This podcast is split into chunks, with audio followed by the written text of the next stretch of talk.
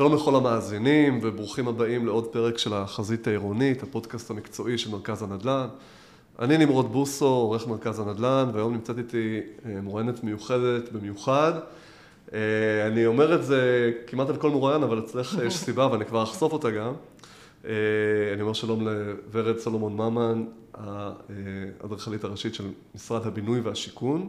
נכון מאוד. היי ורד, מה שלומך? היי, היי, שלום, שלום למאזינים ושלום לך נמרוד, אני מאוד מאוד שמחה להיות כאן. כן, כיף שאת פה. אני אסביר למה אמרתי שאת uh, מיוחדת, uh, כי מעבר לזה שאת האדריכלית הראשית של משרד הבינוי והשיכון, שעוד מעט גם נשאל מה זה בעצם אומר, את גם האישה הראשונה בתפקיד הזה. נכון. כן. זה נכון מאוד וזה כבוד גדול, כי מקצוע האדריכלות תמיד נחשב אה, מקצוע מאוד גברי. בעצם מתחילת דרכו אי שם ב- בימי הביניים, הוא היה של גברים בעיקרו. וגם בארץ, משנות החמישים, כשהמשרד הבינוי והשיכון קם, האדריכלים היו אדריכל ראשי של המשרד שתכנן את הערים ואת השכונות החדשות.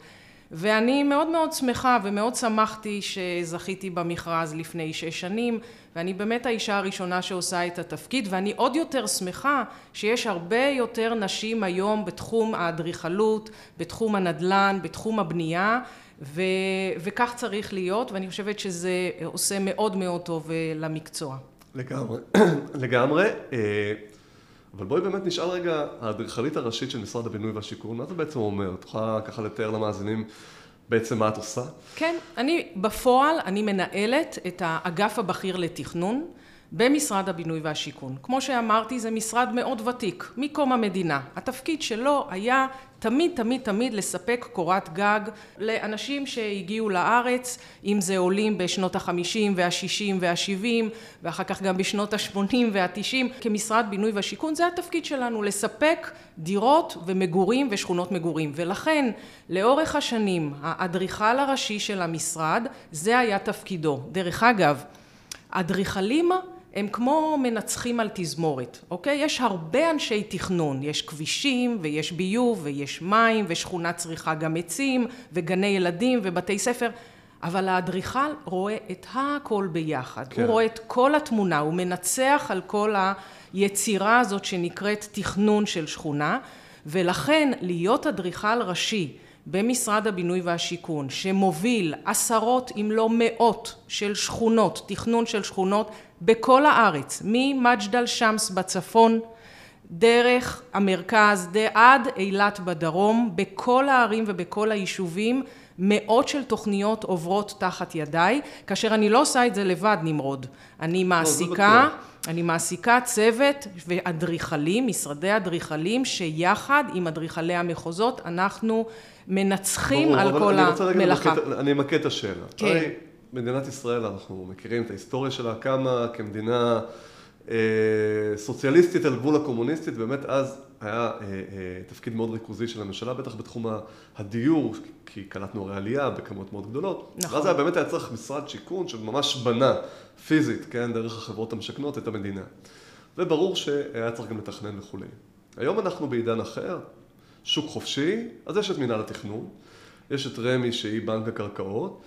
אה, למה אבל צריך היום שמשרד השיכון ייקח חלק בתכנון? הרי יש אדריכלים, יש יזמים, למה צריך אתכם כמתכננים? שאלה מצוינת. יש לה שתי תשובות. האחת, אה, הראשונה שבה זה צריך להבין את התפקיד של כל גוף. מינהל התכנון ומוסדות התכנון, הוועדות המחוזיות, המקומיות, הוותמ"ל, הם אה, גופים שמאשרים תוכניות, הם לא יצרני תוכנית, הם לא יזמי תוכניות. מגיעים אליהם יזמים מכל מיני סוגים, חלקם אתה אמרת, גם בעלי קרקע פרטיים, גם רשויות מקומיות, ובוודאי המדינה, ומוסדות התכנון, מינהל התכנון, מאשר את התוכניות. זה כמו תנור, הוא התנור שאופה את התוכניות, אבל מי מכין את הבצק? מי מכין את העוגה? מי מכין את העיסה ואת כל התופינים? היזם, ובמקרה הזה משרד הבינוי והשיכון, שרשות מקרקעי ישראל היא כפופה לו, היא נמצאת תחת שר הבינוי והשיכון, נכון לעכשיו, רשות מקרקעי ישראל שהיא מנהלת את הקרקעות, נותנת למשרד השיכון הרשאה, ואנחנו הגוף היוזם הגדול ביותר במדינה, עדיין מעסיקים מאות של משרדי אדריכלים ומתכננים כדי לתכנן את קרקע המדינה. נכון שיש גם יזמים פרטיים, אבל האחוז שלהם הוא קטן בטל בשישים ביחס לקרקעות המדינה, שהמדינה גם רוצה לספק את הקרקע לזוגות צעירים, למשפחות ולאלה שאין להם קרקעות. אז זה פעם אחת. צריך להבין את התפקיד של כל אחד בממשלה, ומשרד הבינוי והשיכון הוא יזם. הוא יוצר התוכניות. מינהל התכנון הוא מאשר את התוכניות, הוא לא יוזם אותן. פעם שנייה, יש גם מה שנקרא כשל שוק. השוק נכון במדינת ישראל התפתח ונהיה חזק ומטרופולין גוש דן עומד בזכות עצמו, יש רשויות מקומיות היום איתנות, אנחנו יודעים את זה, יוזמות בעצמן, אבל יש חלקים במדינה שעדיין זקוקים לעזרת המדינה ואני מדברת בעיקר על המחוז הצפוני והמחוז הדרומי, יש עדיין רשויות מקומיות שאין להם מחלקות הנדסה ומתכננים ותקציבים על מנת לקדם את הפיתוח שלהם וכאן נכנסת המדינה.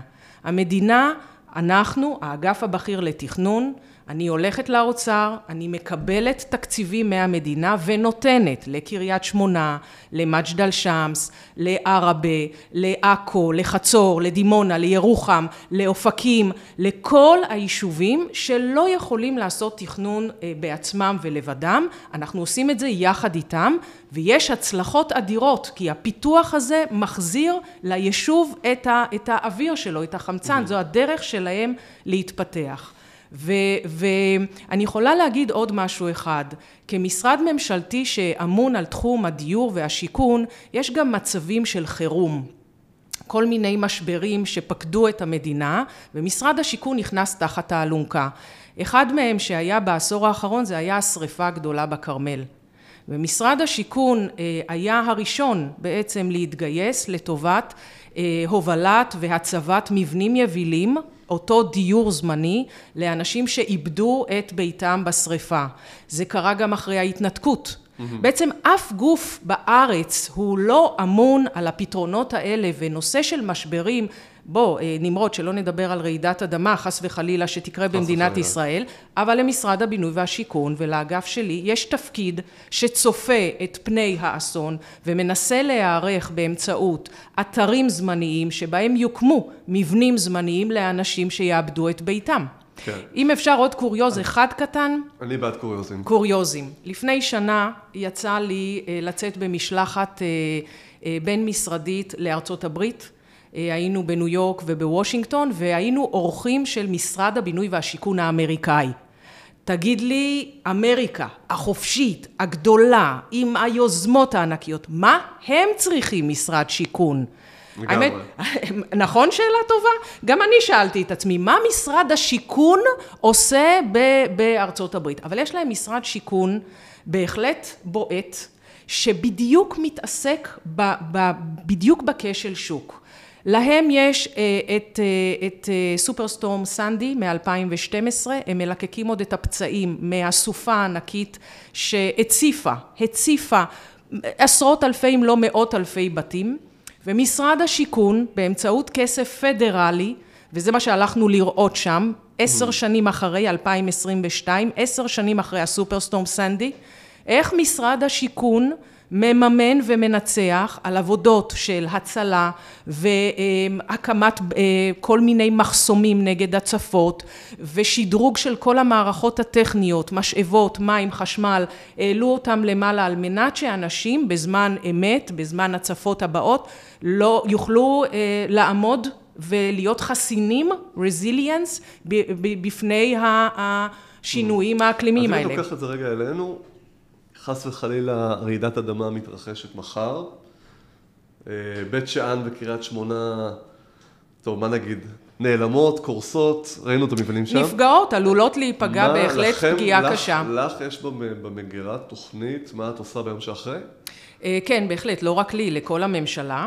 יש לא, תוכנית, יש ב- החלטה. בהיבט של הבינוי כמובן. בהיבט של הבינוי אנחנו אה, ערוכים עם אתרים זמניים שבהם יוקמו שכונות ביניים זמניות על מנת באמת לאפשר לחלק מהאנשים שיאבדו את ביתם לחיות באופן אה, זמני.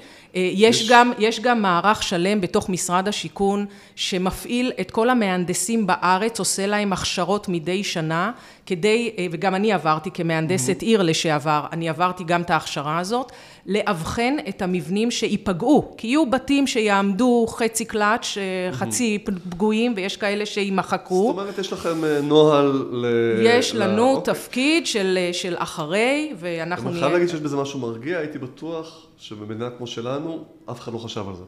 אני רוצה להגיד שבתקופתו של גלנט, שר הבינוי והשיכון לפני כחמש שנים, ושר הביטחון כיום. ושר הביטחון דהיום. כן. הנושא של רעידות האדמה ותפקידו של משרד השיכון מאוד העסיק אותו, mm-hmm. והוא ביקש שאני אצטרף אליו לנסיעה מיוחדת ליפן.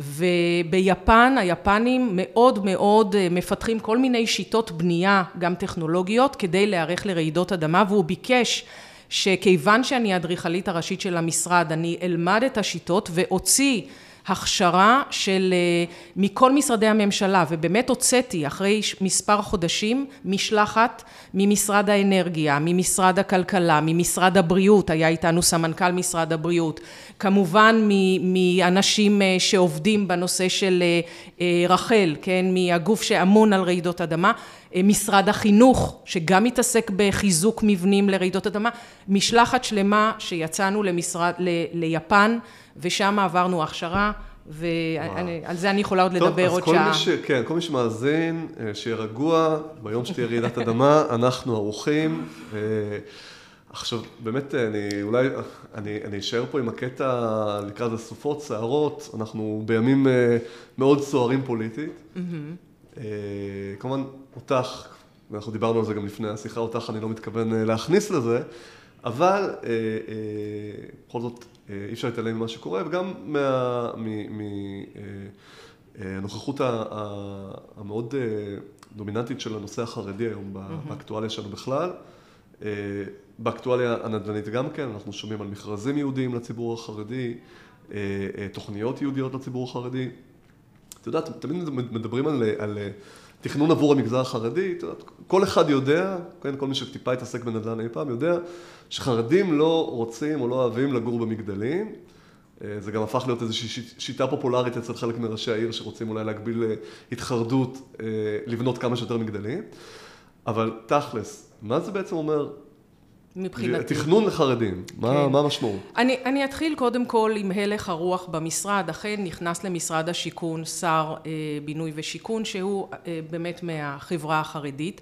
אני רוצה להגיד לך נמרוד שאולי זה יפתיע אותך אבל הוא כבר חמישה חודשים בתפקיד ואני לא שמעתי אפילו פעם אחת ממנו בקשה כלפיי כמתכננת הראשית לתכנן לחרדים. זה לא בא משם, להפך, מה ששמעתי ממנכ"ל המשרד זה הנחיה ברורה, ורד, תמשיכו לתכנן לכל האוכלוסייה, לכל החברות, לכל הקהילות במדינת ישראל, והאמירה הזאת חוזרת, הוא חוזר על זה ואומר שוב ושוב בכל פגישה שלנו גם בפגישות עבודה, גם בפגישות הנהלה, ואני חושבת שזה קודם כל חשוב להגיד שזה שיש שר בינוי שהוא הגיע כרגע מהחברה החרדית, זה לא אומר שאנחנו מפסיקים לתכנן למישהו ומתחילים לתכנן לחרדים, זה ממש רחוק מהמציאות. יחד עם זאת אני יכולה להגיד שהחברה החרדית שהיא מרובת ילדים, משפחות מרובות ילדים, תמיד הייתה אתגר מבחינתנו. זה לא פעם ראשונה שאנחנו מתכננים לאוכלוסייה החרדית, גם לפני עשור שנים ולפני שני עשורים עסקנו בשאלה קודמיי לתפקיד, לא אני, אה, עסקו בשאלה איך לתכנן לאוכלוסייה החרדית, איזה צרכים הם צריכים, איך בונים פרוגרמה, איך שכונה צריכה לתפקד כשהמשפחה החרדית היא עם שבע, שמונה, תשע ולפעמים עשר נפשות. עם ילדים וילדות שצריכים מוסדות חינוך רבים מאוד וגני ילדים גם לפי אה, מגדר אה, לבנים לחוד לבנות לחוד אה, גם לפי הצרכים שלהם שלא לדבר על בתי כנסת ועל מקומות שבהם הם מקיימים את הפעילות הקהילתית שלהם. ואני רוצה להגיד לך שנמרוד שאחד הדברים שמבחינתי הם מוטו בחיים כאדריכלית וכמתכננת זה קודם כל תכיר מי הקליינט שלך אני מתכננת לאנשים. המתכננים שלנו אה, מתבקשים על ידי לדעת למי הם מתכננים. לא מתכננים אה, אחיד לכולם, כי זה לא מתאים. ולכן אנחנו עבדנו קשה מאוד וגם עשינו ניסיונות שבחלקם אנחנו גם למדנו מתכנון בבית שמש, מתכנון בביתר עילית, מתכנון במודיעין עילית, את אלעד אנחנו תכננו לאוכלוסייה חרדית וראינו שאנחנו צריכים לתכנן הרבה יותר שטחים למוסדות חינוך, לאפשר הרבה יותר שימושים בכל הקומות. דרך אגב האוכלוסייה החרדית אם יש משהו מאוד יפה בה זה שהיא מאוד מאוד הליכתית, היא משתמשת ברגליים שלה הרבה יותר מברכב, היא צריכה את כל המסחר והשירותים קרוב לבית, זה במילה אחת נקרא עירוניות. הם חיים חיי עיר בצורה בלתי רגילה כי הם לא נזקקים לרכב, הם, הם משתדלים לא, לא להחזיק רכבים פרטיים, הם משתמשים מעולים בתחבורה ציבורית. והסיפור של עירוב שימושים שאנחנו כל כך מדברים להחזיר לשכונות את המסחר מתחת לבתים ו- ושתהיה את הפיצריה ושתהיה את המתפרה ושיהיה את החנות פרחים מתחת לבתים בחברה החרדית זה נמצא כמעט אה, אה, אה, באופן טבעי כן. ו- וזה מאוד יפה להיכנס ליישובים ולשכונות החרדיות ולראות את זה שם חי ו- ומשתלב בחיים העירוניים ואני חושבת שאנחנו יכולים ללמוד מהחיים האלה. לגבי הבנייה לגובה, אנחנו כבר מזמן הבנו שמגדלים ובנייה לגובה זה לא אומר צפוף. בנייה צפופה היא בנייה יכולה להיות גם רוויה של שבע, שמונה קומות, כאשר הצפיפות היא לרוחב, לא לגובה, להפך, לגובה אנחנו צריכים להרחיק את הבניינים, לאפשר את הכניסה של הרכבים ושל החניונים, אנחנו לא יוצרים צפיפות כשאנחנו יוצרים מגדלים, דווקא בנייה מרקמית ומעורבת שימושים עם חנויות בקומת הקרקע, עם מסחר בקומה הראשונה, עם מקומות למשרדים, עורכי דין, שמאי, אה, יועצת קוסמטיקאי, קוסמטיקאי או קוסמטיקאית, כל אלה זה בדיוק מה שמייצר את האינטנסיביות שאנחנו כל כך מחפשים היום בערים ואני חושבת שהתכנון לחברה החרדית עושה את זה. אנחנו אה, כתבנו תדריך לפני שנתיים שהתפרסם אה, והכנסנו לשם את כל ההמלצות שלנו איך לתכנן לאוכלוסייה החרדית כדי שמתכננים באמת שלא מכירים את האוכלוסייה הזאת לא ישברו את הראש ידעו כמה צריך לתת על מנת שהאוכלוסייה הזאת תוכל לתפקד טוב. אז את יודעת הנושא הזה גם מביא אותנו באופן טבעי לאולי הפרויקט הכי גדול שאת מתעסקת איתו עכשיו וזה בעצם עיר חדשה כסיף. נכון. עיר אה, שלפי מה שאומרים, כן, אה, מיועדת בעיקר עבור המגזר החרדי. איפה העיר הזו בעצם נמצאת עכשיו? אוקיי, אה, ערים בישראל לוקח להם זמן. הן לא קמות ביום אחד ובטח לא בשנה אחת. על העיר כסיף המשרד יזם אותו ב-2010. אנחנו מדברים לפני 13 שנה נכון. כבר. ופחות או יותר אם אני מסתכלת גם על העיר מודיעין או גם על העיר חריש זה לוקח כ-12, 13, 14 שנים מהרגע שהמשרד יזם את ה... איתר את השטח, אמר כאן תקום עיר, הלך לממשלה כדי לקבל הכרזה שהולכת לקום עיר, לוקח כ-15 שנים עד שבאמת זה קורם עור וגידים. אה, התמזל מזלי, באמת, ואני הגעתי לקצה של כנראה השנה ה-15, 14, 15, ואני מובילה כרגע באמת את התוכנית הראשונה, 5,500 יחידות דיור, שזה יהיה הרובע הראשון אה, שתוכנן בעיר כסיף.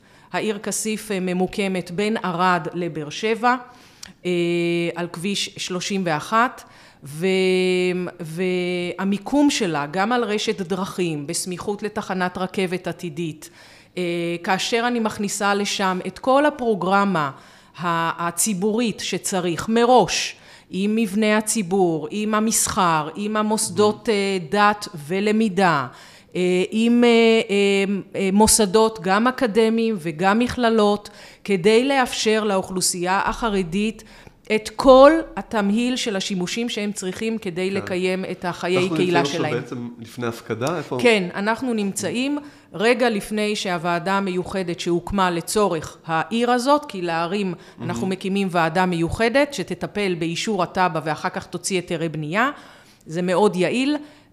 אז אנחנו ממש עומדים רגע לפני הישיבה הראשונה של הוועדה המיוחדת, שתדון בתוכנית ולאחר מכן תופקד, ובאמת באמת בתקווה שבתוך שנה יהיה לנו תוכנית מאושרת ואפשר יהיה גם לעלות על הקרקע, לפרוץ את השטח, לשים את התשתיות, כאשר כאן משרד התחבורה מראש תכנן יחד איתנו את מערכת התחבורה הציבורית בתוך העיר הזאת, שיהיו אוטובוסים ושיהיו מסופים מתאימים מ-day one, אזור של תעסוקה, כן, גם לא, תעסוקה. זה נשמע נהדר, אבל בכל זאת צריך, הרי גם בתוך החברה החרדית עצמה, לאורך השנים, הייתה לא מעט ביקורת על הלוקיישן, כן? לוקיישן, לוקיישן, לוקיישן, זה כנראה מדבר אה, גם לאוכלוסייה החרדית, בטוח אגב, אבל אצלם, את יודעת, אני לא מומחה אה, כמוך, אצלם זה יותר השאלה של הקרבה למוקדים החשובים, ירושלים ובני ברק, אבל גם בראייה חרדית, גם בראייה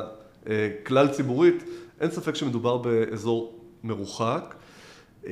אזור מרוחק, אבל יחד עם זאת, אל נשכח, בערד יש קהילה גדולה מאוד של גור. חסידות כן. גור שהתיישבה בערד, אז גם ערד לצורך העניין היא רחוקה.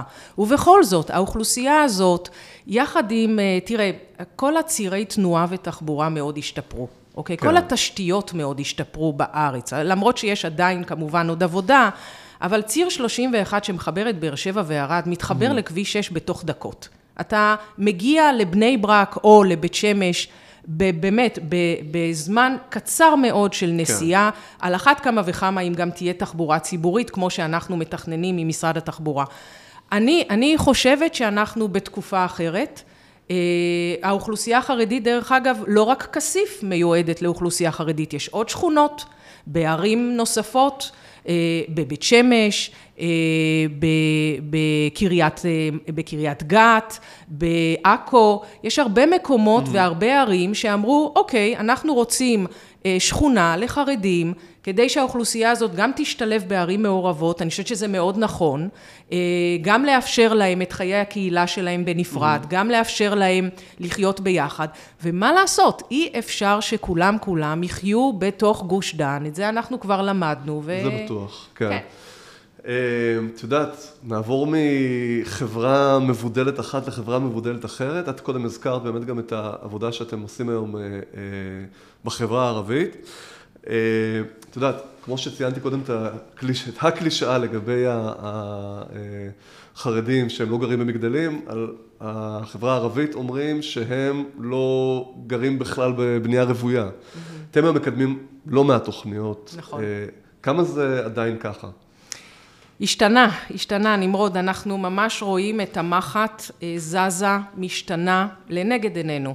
אה, לחברה, לחברה הערבית יש מבנה של קרקע אחר, מבנה בבעלות פרטית. Mm-hmm. ועשרות של שנים בעצם המדינה לא תכננה בחברה הערבית, כיוון שהקרקעות שייכים לבעלי קרקע פרטיים. זה המבנה החברתי שלהם והמבנה של הקניין שלהם. אבל איך אומרים, אה, אחרי אה, שהתגלו כל ה... באמת המחדלים של בתים ושכונות שלמות שלא מחוברות לתשתיות, וזה לא יעלה על הדעת שבשנות האלפיים אה, שכונות ואנשים יחיו בלי חיבור לחשמל ולמים.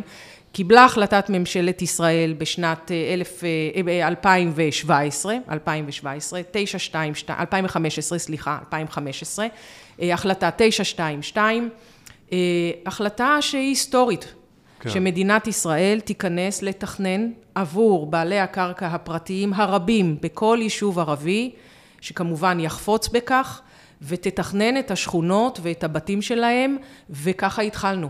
אז ב-2015 התקבלה החלטה, עד שהתארגנו ב-2017 יצאנו לדרך, זה לא היה קל. וכשאתם היום מתכננים שכונות, אתם, אנחנו מדברים פה על מה? על אה, צמודי קרקע, על רבי קומות, על אנחנו מגדלים? אנחנו מדברים תמיד על תמהיל מגוון.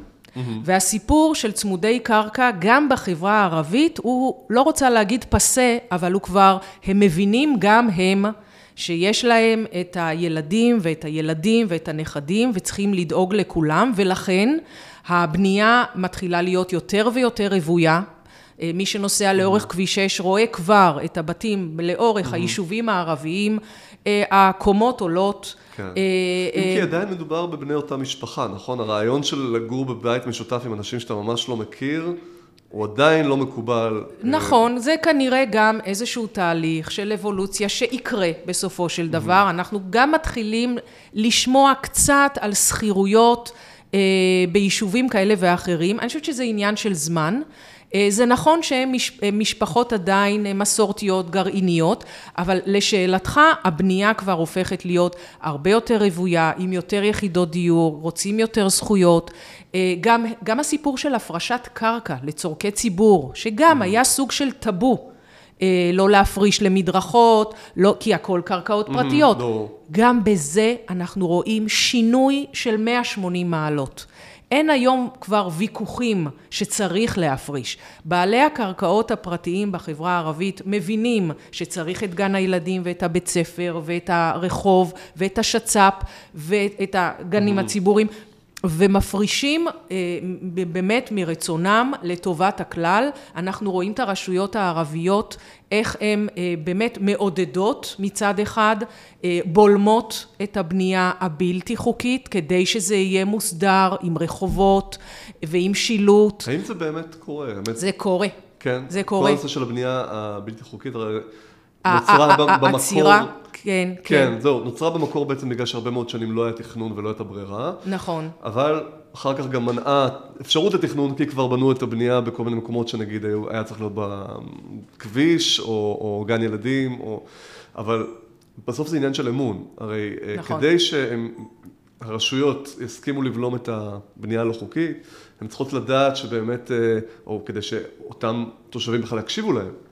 הם צריכים לדעת שזה שעכשיו אני לא בונה כאן, זה אומר, זה, זה, זה, זה רק מתוך המקום שאני יודע, שבעתיד אופק. יהיה לי משהו יותר טוב. כן, והשאלה לגמרי. האם, אנחנו נמצאים שם. לגמרי. כי בחברה הכללית את לא מרגישה יותר מדי אמון ב... נמרוד לגמרי. אני פוגשת לא ראשי רשויות, לא אחד, שניים, עשרות של ראשי רשויות מהחברה הערבית. השינוי קורה, קרה, קורה עכשיו, בהווה. יש שם הערכה מאוד גדולה לתוכניות שקיבלו תוקף בהמון יישובים. בשנה, שנתיים האחרונות, תוכניות כן. שעבדנו עליהן ב-2018, 2019, 2020, מקבלות עכשיו תוקף. אלפי יחידות דיור, חלקן דרך אגב באמת נבנו כבר, והיינו צריכים לעשות להם הסדרה. אז הכביש עבר בצד אחד שלהם ולא בצד השני, כפי שהיה צריך. מצאנו את הדרך היצירתית, דיברנו על אדריכלים בהתחלה. אדריכלות זה משהו יצירתי, אדריכלים לקחו את האתגר הזה ובאמת אה, נתנו פתרונות גם לבנייה הלא חוקית כדי להסדיר אותה, וגם לתוספת בנייה חדשה כדי שיהיה אופק. בעצם האמון הזה שאתה מדבר עליו, mm. שנבנה לאט לאט, באמת, במיוחד בחמש mm. השנים האחרונות, וככל שהאנשים והרשויות המקומיות ראו שעוד תוכנית מקבלת תוקף, ועוד תוכנית מקבלת תוקף, ועוד תוכנית מקבלת תוקף, והקרקעות מתחילות להיות מסודרות, ובאמת, אינשאללה ובעזרת השם, אה, יהיו גם פריצה של, של הרחובות ושל הדרכים ושל התשתיות, אני חושבת שאנחנו בכיוון הנכון, וצריך להמשיך אותו, וזה בדיוק הרוח הגבית שקיבלתי גם מהשר שלנו וגם מהמנכ"ל,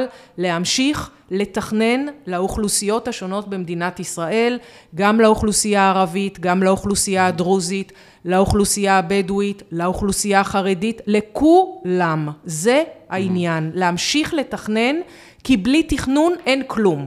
ברור. כשיש תוכ- תוכניות ותכנון, אנשים מתקבצים סביב השולחן ונשמעים, רואים שיש אופק, זה נותן המון תקווה. אני רוצה להגיד לך שאתמול, אתמול הייתי בסיור ב- ביישוב עראבה עם ראש המועצה ועם הצוות שלו, ואלה המילים ששמעתי. קודם כל ראיתי גם, גם את הניצוץ בעיניים, את ההתרגשות, שהנה שכונה שתוכננה במשך חמש שנים קיבלה תוקף, מה ששנים שנים לא אושר, לא אושר. לא היה כזה דבר שכונה חדשה בערבה. לא כן. היה כזה דבר. והנה, שכונה שלמה קיבלה תוקף, ועכשיו אנחנו עובדים על עוד שכונה, ומבקשים ממני עוד שכונה. וזה לא רק בעראבה, זה בהמון המון יישובים, ואני רואה את, ה, את התקווה בעיניים, אני רואה את הניצוץ בעיניים, זה מרגש אותי, זה גם נותן לי המון כוח להמשיך. יש לי צוות, אגף של אנשים מופלאים, הסגנית שלי, מלכה שניאור, ואילן טייכמן, ושולמית, ויצחק, ושירי, אנשים שפשוט ביחד אנחנו עובדים כצוות ומזרימים למחוזות ולרשויות את הכספים כדי להפעיל צוותי תכנון ועוד אדריכלים ועוד צוותים ועוד תוכניות ואני מקווה מאוד שתקציב המדינה mm. שיאושר בקרוב הוא נותן לנו עוד חמצן להמשיך את העבודה הזאת. זה כן. ממש מנגינה שאסור להפסיק אותה. אחלה. אה, טוב, מי שהיה איתנו עד עכשיו בטח שם לב שאת רוב זמננו אנחנו מקדישים לשיחה כרגע מגזרים, כן, אבל גם לא, מעבר לעובדה שמדובר במגזרים, גם אנחנו מתעסקים בעיקר בפריפריה, ובאמת בסך הכל אפשר להגיד אה, שאתם נמצאים בעיקר בצפון ובדרום, כמו שאת אמרת גם בתחילת השיחה שלנו. נכון מאוד. אה, ואני דווקא רוצה לשאול אותך על מרכז הארץ, אזורי הביקוש, גוש דן, המקומות שבהם אתם לכאורה לא נמצאים. אה, כי את ציינת גם שאתם, התפקיד שלכם זה להיות איפה שיש כשלי שוק. כן, איפה שצריך. איפה שצריך, איפה שצריך יפה. את הסיוע. האם, כן. יפה. האם בתוך השיחה שניהלנו עד עכשיו, מתחבאת אמירה שכבר לא צריך אתכם באזורי הביקוש? אה, שאלה טובה. אה, שאלה טובה. אני יכולה להגיד לך, כמישהי שנולדה במרכז וגדלה במרכז, והמרכז באמת, איך אומרים, פרס כנפיים, אוקיי? אני זוכרת את עצמי בת אה, עשר, נוסעת לתל אביב בקו 66, ואבא שלי שעבד בתל אביב במשרד אה, אה, מהנדסי חשמל, היה מספר לי על הרכבת הקלה, על החלום mm-hmm. הזה של הרכבת הקלה שפעם תיסע. Mm-hmm. כן. והנה היום אני בת 51. אה, ועדיין אין רכבת קלה, כן. ראיתי כן. קצת את ה... אוקיי, היא התחילה לנסוע, שזה בסדר, זה תקווה, אבל הנה, זה קרה, אז כמה לקח? 40 שנה, אוקיי. אנחנו לא מפחדים שלא תישאר לנו עבודה במדינה. אנחנו חושבים שיש עוד הרבה הרבה הרבה הרבה מה לעשות, גם מחוץ לאזורי הביקוש. אזורי הביקוש זה חשוב מאוד. אה, ודרך אגב, אה, הרבה פעמים דווקא אני מקבלת טלפון מעיריית תל אביב, אה, שככה רוצה להתייעץ איתי בנושא של למשל אוכלוסייה מזדקנת. כי אנחנו מתעסקים למשל גם לא רק במשפחות צעירות ובילדים, אלא גם מה יקרה בעוד 10-20 שנה שאני אהיה בת 70, או אתה נמרוד תהיה בן 80, מה יקרה איתנו, מה יהיה איתנו? האם המקומות שאנחנו מתכננים היום יתאימו לנו בגיל הזהב, בגיל כן. השלישי? ואני רוצה להגיד לך שיש סימביוזה מאוד יפה דווקא בין הערים בגוש דן שמתקדמות, אה, אם זה ראשון ורעננה והרצליה ותל אביב, ומהנדסי הערים שלהם, שהם חברים טובים שלי, אה, מרימים טלפון ומתייעצים, אה, מתייעצים בנושא של דיור ציבורי. שדרך אגב הוא לא רק בפריפריה, דיור ציבורי צריך להיות גם באזורי הביקוש. אולי אפילו בעיקר. ואולי אפילו בעיקר בגלל המחירים המאוד מאוד גבוהים של אזורי הביקוש. ודיור ציבורי זה משהו שהמדינה אחראית עליו, ורוצה לתת גם בהרצליה פיתוח דיור ציבורי לאנשים שברי השגה. אז אני חושבת שזה לא נכון לומר שלא יצטרכו אותנו באזורי הביקוש, זה כן נכון לומר שהמדינה רואה דברים בראייה באמת לאומית, mm-hmm. ויכולה לסייע בהרבה פרספקטיבה גם לאוכלוסיות שנמצאות אה, מחוץ לאזורי המרכז, אבל גם יכולה כן. לתת הרבה insight ו inputים לתובנות בתוך מרכזי הערים הוותיקות, ואני חושבת ששם כן. למשרד השיכון יש הרבה מה לתת, במיוחד אחרי 70 שנות אה, בנייה בארץ הזאת. כן.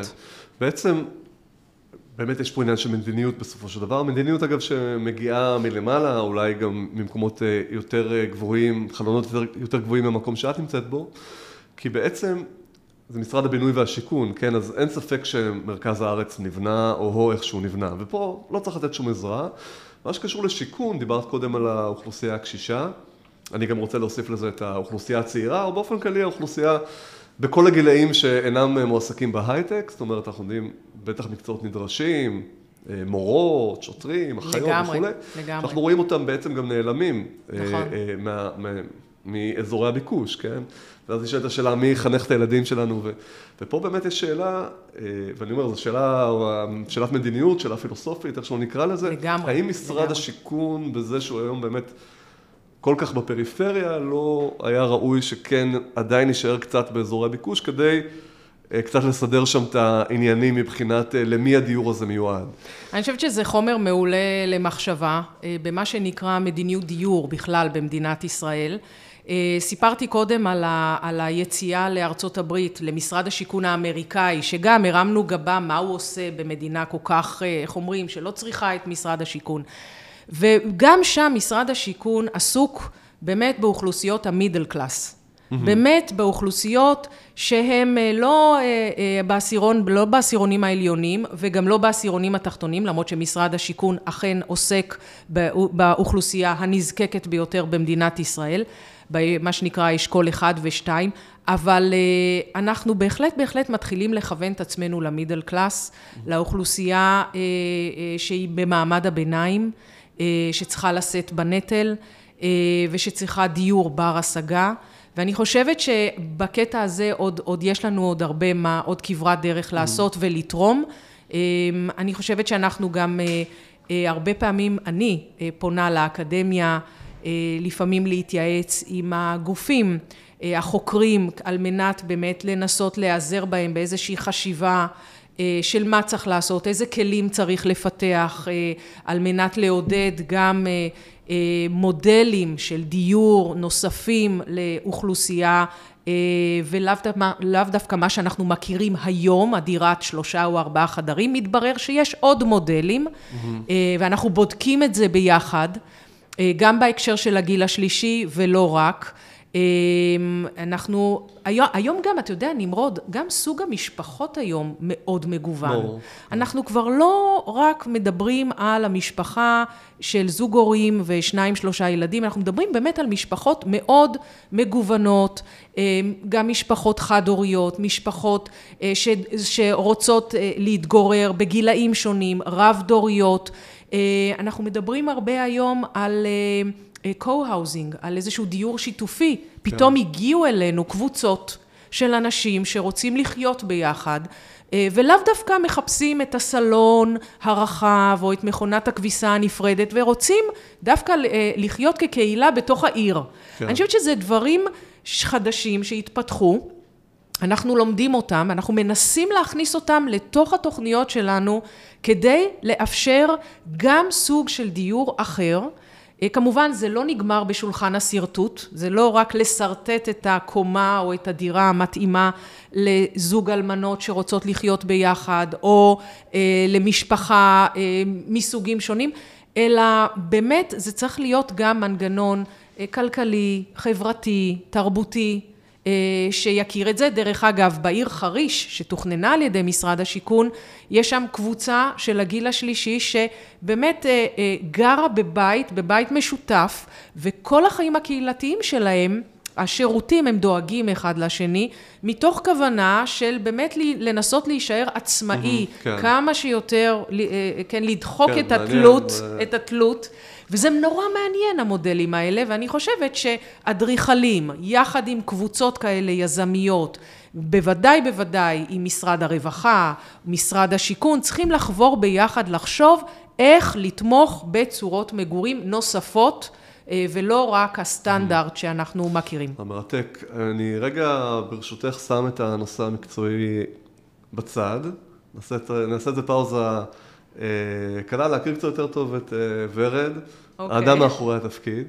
אנחנו בעצם נפגשנו פעם ראשונה, עוד בתפקיד הקודם שלך, זוכרת את הפגישה במשרד בעיריית ראשון לציון. וואי, נכון. כן, דיברנו שם על איזה שכונה חדשה, אני כבר לא זוכר בדיוק איזו, אבל לא, ברצינות, תרצי קצת אולי לספר לנו ככה על איך, איך הגעת עד הלום. כן, אני אשמח. האמת היא שאני צמחתי ברשויות מקומיות, בעצם 12 וחצי שנים עבדתי ברשויות מקומיות כמהנדסת עיר, כמהנדסת העיר של בית שאן, ואחר כך וואו. כמנהלת מחלקת בנייה ציבורית ברעננה. ואחר כך שש... בית שאן רעננה. כן. ממש חבית, כן? חבית מהכל. כן. חוויתי מהכל, את כל הסוגים ואת כל הצורות. ואחר כך שש שנים בעיריית ראשון לציון, הייתי גם מנהלת אגף בנייה ציבורית וגם אדריכלית העיר. ובסך הכל, ה-12 שנים האלה ברשויות מקומיות, באמת באמת הבנתי את התכנון ואת השכונות ואת האנשים מלמטה. מ- מה, מה, באמת באמת מהפרקטיקה. כמה שנים היית בבית שאן? ארבע שנים בבית שאן, mm-hmm. שלוש שנים ברעננה, שש בראשון. וגם, נציין גם שבית שאן היית יחסית עדיין אדריכלית צעירה. לגמרי, הייתי כן, בתחילת דרכי, הייתי בתחילת דרכי, הייתי צעירה מאוד, יצאתי מהטכניון אה, עם תואר שני בתכנון ערים, ואדריכלות כמובן. עם כל התיאוריות הגעת לבית שאן. באתי עם כל הילקוט, עם כל כלי השרטוט, וראש העיר, אה, אז, דאז, ג'קי לוי, דרך אגב, הוא ראש העיר גם היום. כן, דברים לא משתנים לא. במקום הזה, כן. אה, ג'קי לוי הוא זה שבחר בי, ונתן לי את הזדמנות חיי. חיי, אה, שאני לא אשכח עד עצם היום הזה. ואני יכולה להגיד לך, נמרוד, שהסיפור שלי בסופו של דבר הוביל אותי למשרד השיכון לא בכדי. כי בסופו של דבר, כשאני מסתכלת אחורה, אה, בבית שאן, מי שדאג לי כמהנדסת עיר צעירה בתחילת דרכי היה משרד השיכון. הם mm. באו עם הצוותים שלהם אה, לתכנן אצלנו בבית שאן שכונות. אני אמנם הייתי צריכה לאשר בוועדה המקומית, להוציא היתרי בנייה, להוציא טופס 4, אה, לראות את המערכת העירונית, להגיד למשרד הבינוי והשיכון מה העיר רוצה, כן? הייתי הקול ברור. של בית שאן. דרך אגב, עד היום אוהבים אותי וזוכרים אותי בבית שאן, אני מגיעה אליהם לביקורים, וברחוב עוצרים אותי ואומרים, כן. ורד, חזרת? כן, לא, לא, לא, מה עם ההיתר? מה עם ההיתר שהבטחת לי אז, לפני 20 שנה? אני רוצה להגיד לך, נמרוד, שבבית שאן, באמת, הם עשו לי בית ספר של החיים, כי הייתי מסיימת את יום עבודתי כל פעם אצל משפחה אחרת. כי זה תמיד היה סגירת אה, חדר, ועוד פרגולה, ועוד תוספת קומה, ועוד חדר לילד כי הוא צריך להתחתן.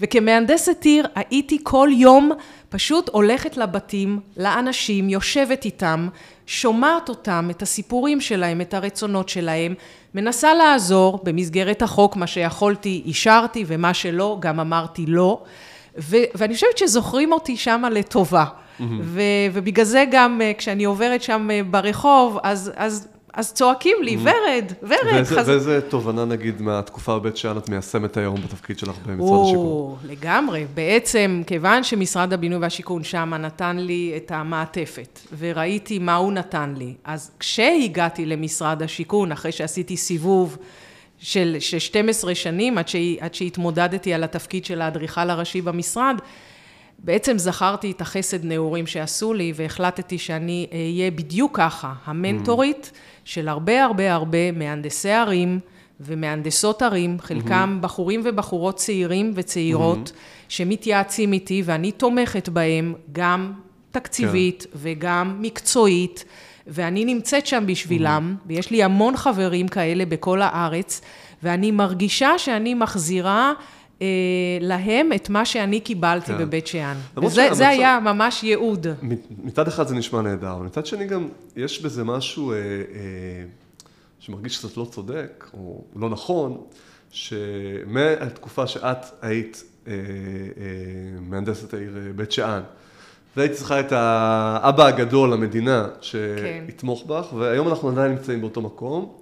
היה מצב יותר רצוי שגם בית שאן וטבריה, ואני לא יודע איזה, כל רשות אחרת אה, אה, תדע גם אה, ללכת לבדה, אבל לא תצטרך את המדינה שתחזיק לה את היד. תראה, אני, אני רואה, אני מבינה מה שאתה לא אומר. מדברים, לא, לא, לא בס... מדברים ככה על כפר סבא או על כן, אה, כן. ראשון לציון. אני אגיד לך, יש ערים גם בפריפריה, הצפונית והדרומית, שכן עומדות על הרגליים, שכן הצליחו לעמוד על הרגליים.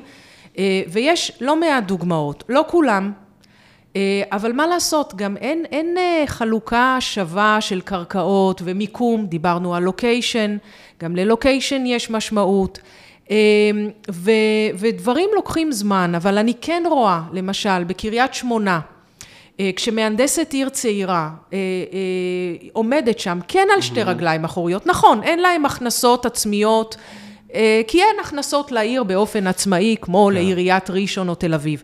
והמדינה כן נמצאת שם כדי לעזור, אבל עומדת מהנדסת עיר, ועומד צוות שלה, ואומר, ורד, אנחנו רוצים ככה וככה, ואנחנו מעדיפים לא לפתח את העיר לכיוון הזה, אלא דווקא לפתח אותו לכיוון האחר.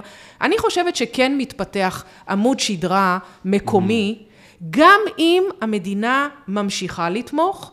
עוד פעם, הלוואי שנגיע למצב שכולם כולם יהיו עצמאים, אבל אנחנו יודעים שאין חלוקת הכנסות אחידה, והקרקעות הן לא אחידות. אה, הסיפור לדעתי מתחיל ונגמר גם במערכת יחסים אזורית.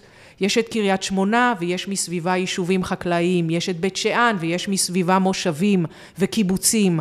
והסיפור הוא להגיע למשהו משותף שרואה בנכסים של העיר ורואה בנכסים של המושבים ושל היישובים משהו שהוא אה, נכון לאזור, טוב לאזור, טוב לכולם. ואני חושבת שככל ש...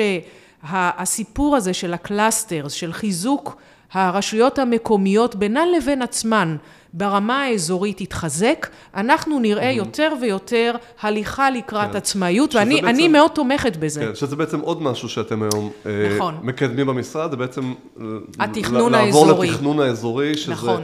שזה גם שאלה, זאת אומרת, אנחנו מדברים על תכנון שהוא ברמה של יותר מעיר, פחות ממחוז. מה זה נותן בעצם? אוקיי, okay, משרד השיכון, כמו שדיברנו עד עכשיו, מתכנן שכונות, שכונות, שכונות בכל מקום ובכל אתר, אבל גם אנחנו הבנו שאם לא נרים רגע את הראש ונסתכל על כמה ערים וכמה מועצות אזוריות ביחד, אנחנו נמשיך להתכתש. והמשיכת שמיכה הזאת היא לא טובה, היא לא טובה. הפיתוח הוא צריך להיות של כולם, הנכסים של כולם, וצריך לשבת סביב שולחן אחד ולעשות תוכנית אחת לכולם ביחד, לא לעיר בנפרד ולכפר בנפרד וליישוב הזה בנפרד וליישוב ההוא בנפרד, אלא להסתכל. כי מה לעשות, כבישים ותשתיות וביוב ומים חוצים את כל הגבולות, שלא לדבר על נחלים שחוצים, אמ, וצריך לדעת באמת, איך אומרים, קצת להתעלות על עצמנו ולעשות mm-hmm. תוכנית אזורית. ולכן נמרוד, לפני אה, חמש שנים אה, יזמתי את התוכנית הראשונה שלנו, אה, נפת אשקלון. זה היה בעזרתו האדיבה של אדריכל המחוז שלנו בירושלים, אילון, אה, אילון ברנרד, שזיהה את הפוטנציאל של התכנון האזורי, אמר לי, ורד, בואי נעשה תוכנית אזורית לנפת אשקלון. נפת אשקלון זה אשדוד, אשקלון, קריית גת, קריית מלאכי ושדרות. בואי נסתכל על חמשת הערים האלה ביחד עם המועצות האזוריות ונראה מה אפשר לתכנן לכולם ביחד. ואני רוצה להגיד לך, נמרוד, זאת הייתה פריצת דרך, מחשבתית, תכנונית. קודם כל, רשת של תחבורה. מה שהיום מתכננים במטרופולין תל אביב, כן, שעושים היום עם שלושה מיליון תושבים וחופרים וצריכים לחפור מתחתם את כל המנהרות, בנפת האשקלון, שהולכת להכפיל את עצמה, אם לא לשלש את עצמה, מערכת התחבורה הציבורית כבר מתוכננת היום. Mm-hmm. זאת אומרת שהמסילות והרכבות והכבישים והדרכים כבר נמצאות על שולחן השרטוט. ואם הן נמצאות על שולחן השרטוט, אז לא ירחק היום, והם גם יתיישמו, ואז זה יתמוך בפיתוח. ולא מה שקרה בגוש דן, שקודם בנינו, ועכשיו עושים את התשתיות, ועכשיו חושבים על הרכבת הקלה. אז אנחנו מנסים להקדים בתכנון את מה שצריך לתמוך בפיתוח משמעותי מאוד.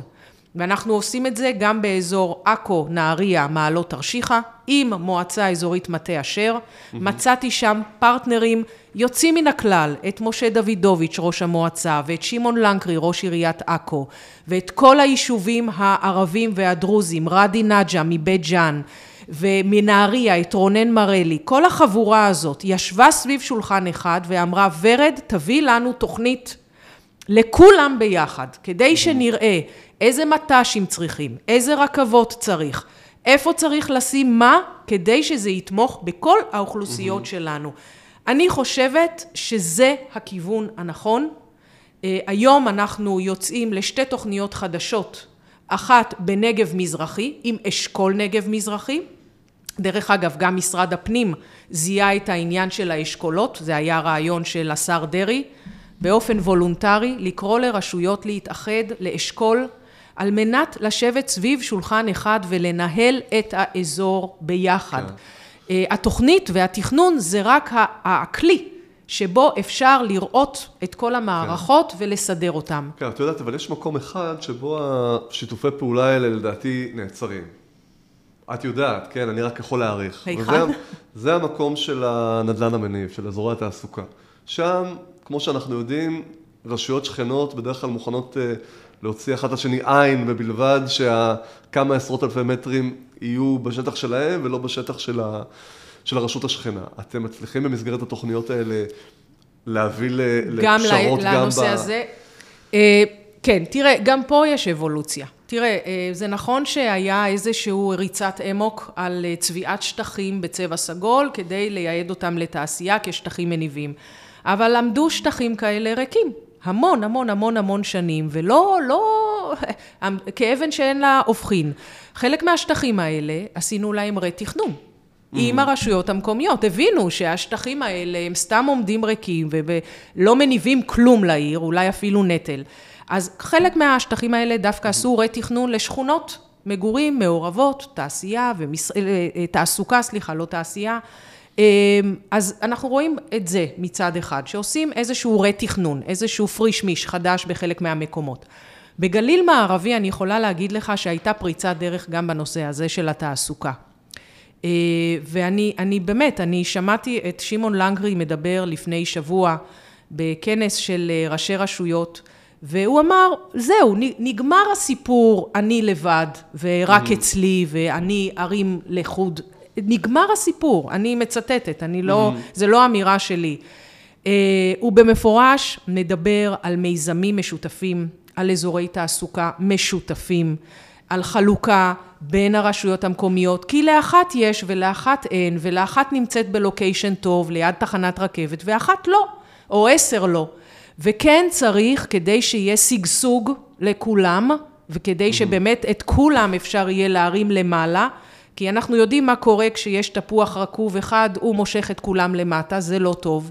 אז כן צריך להרים את כולם ביחד. והסיפור הזה של ישיבה ביחד סביב שולחן אחד של ראשי רשויות, גם מהמגזר העירוני והכפרי, מועצות אזוריות עם ערים, זה המפתח. אין, אותי לא ישכנעו אחרת. אני כבר ראיתי את זה, נמרוד קורא בעיניים.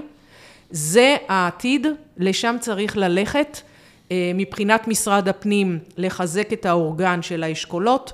מבחינת משרד השיכון, אנחנו נמשיך לעשות תוכניות אזוריות מלבד התכנון המפורט של השכונות, וזאת הדרך להצליח. טוב, בנימה אופטימית זו ורד, אני אומר לך תודה רבה שבאת, היה מרתק. אה, אני מקווה שגם למאזינים שלנו. אה, המון תודה שהיית. ותודה רבה גם למאזינים, מי שהקשיב לנו, אה, תודה שהייתם איתנו, ולהתראות בפרק הבא של החזית העירונית.